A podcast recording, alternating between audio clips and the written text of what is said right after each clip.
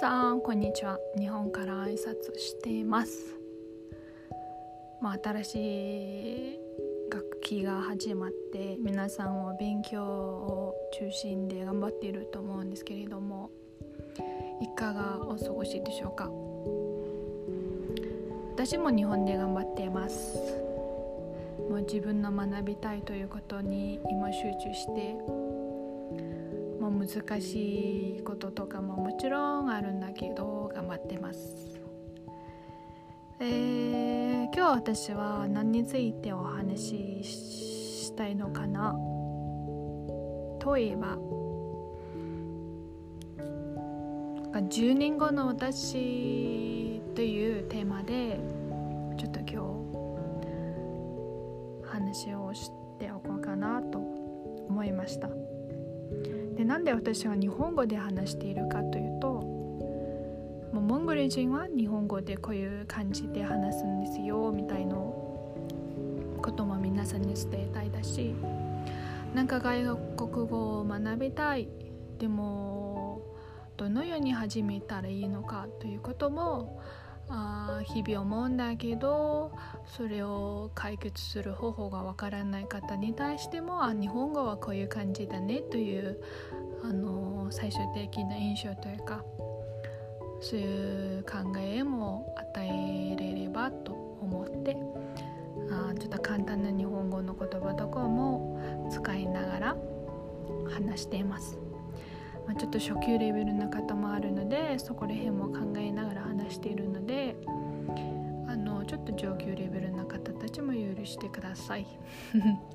まあでもネイティブなあのもともと日本人じゃないからちょっと発音的なこともあるかと思うんだけど例えばあの本当その言葉の使い方とかは分かるんだけど、まあ話、話をしているうちになんかちょっと違ったり違うようなように聞こえたりする場合もある。と思うんだけどそこら辺はもう遠慮して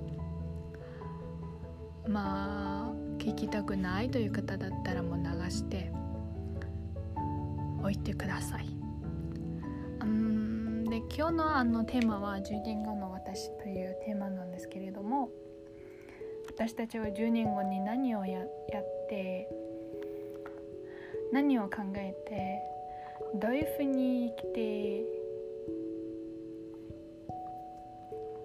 いくのかなということを想像してみたんですね。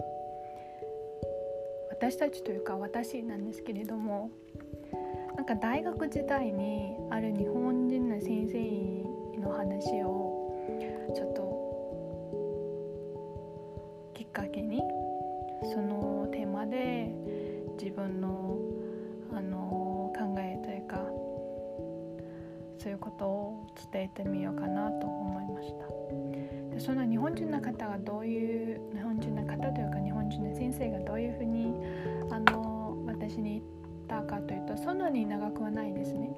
短いしでもなんかでも印象にすごく残っているから今も私は思い出しているという感じですね。でその言葉は何だったかというとあの今あのあなたが頑張っている方は10年後のあなたのためということを心から思って今のやってることは今のあなたのためじゃなくて10年後のあなたのためだよという言葉だったんですね。でその時はあなるほどねみたいなでもすごくいい言葉だねみたいにあの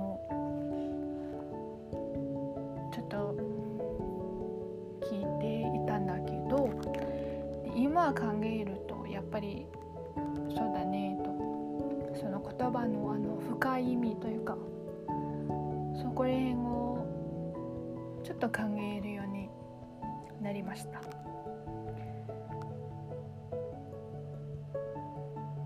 将来のことは誰もわからないとか誰も想像できないとか言うんですね。でもわかるかもしれない。それは何だかというと先ほどほどあの伝えたあのある日本人の先生の今のやってることは10年後のあなたのやること。10年後のあなたの幸せで生きるかとかそういうことの始まり。だから今頑張れば10年後のあなたの将来は頑張った結果もうすごくいい将来が迎えるんじゃないかという内容ですね。内容ですね。もう本当にそうじゃないですか。将来のことをもう占い師じゃないんですけれども私たちが将来のことを分かるのができます。どのように分かるかというと自分が今何をやっているかをちゃんと理解すればそのことにちゃんと集中すれば自分の、まあ、10年じゃなくてももう5年とかの一応なんか近い未来の自分のあの幸せというか自分の生き方とかも自分であの把握して理解して見るのができます。ということが私が分かりました。で皆さんはそれについて考えたことがありますか？まあ頑張れ頑張れとか今頑張っていますみたいにみんな思っているかもしれないんだけどまあ私のこの言っていることを、まあ、聞いてみてもちろんそうだよそれは誰もわかるんだよという方もいるかもしれないんだけどうーん。私はそれを初めて考えたので私にとってはそれは新しいことです。だから私はここにいてちょっと話として言っておこうかなと思いました。なんか勉強してる方にしてもすごく難しい場合もあればまあなんか自分の会社とかを設立して運営している方に対してもすごく大変な時とか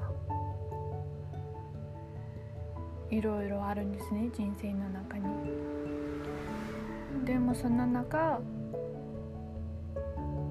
時々あの私たちが考えるのは一私が何のために生きているの？みたいな感じになるんですね。多分そういう人もいると思います。なんかみんなということはちょっと言えないんだけど多分人間だからそういう感じというかそういうのが同じだと思いますね。でその時にうんもう頑張った頑張って続けたものをそのままのやめるんじゃなくて、ね、頑張っているからそれを集中してやってるからその場でやめるんじゃなくてまあ、その1日とか2日間ぐらいそれをもう開けておいてもいいんだけどその後からもう続けられるのはどうかなと。その頑張った結果はもうあなたの10年後のというかその将来の、うん、ためのもの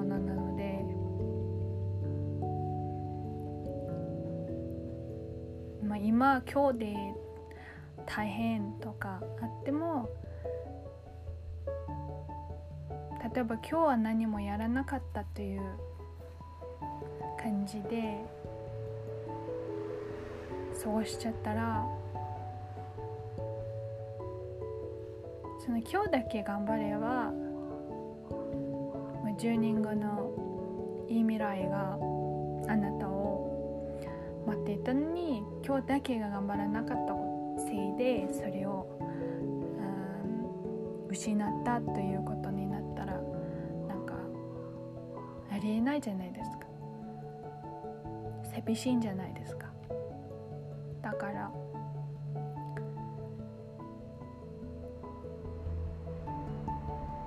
今日今今日というか今あのあなたのやってることはもう大学で勉強していることはもう学校で勉強していることは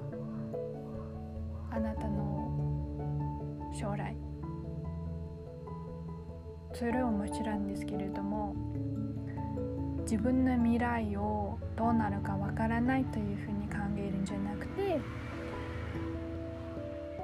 私は今こんなことをやってるから私の未来はこれというふうに見るのができるというのは今やっていることを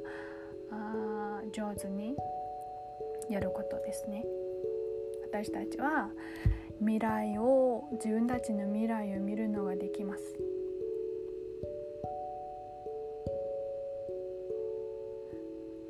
自分のその未来をまあどんなふうに導くかはあなたの手にあります。で今のあの食べているものも10年後のあなたのあの体の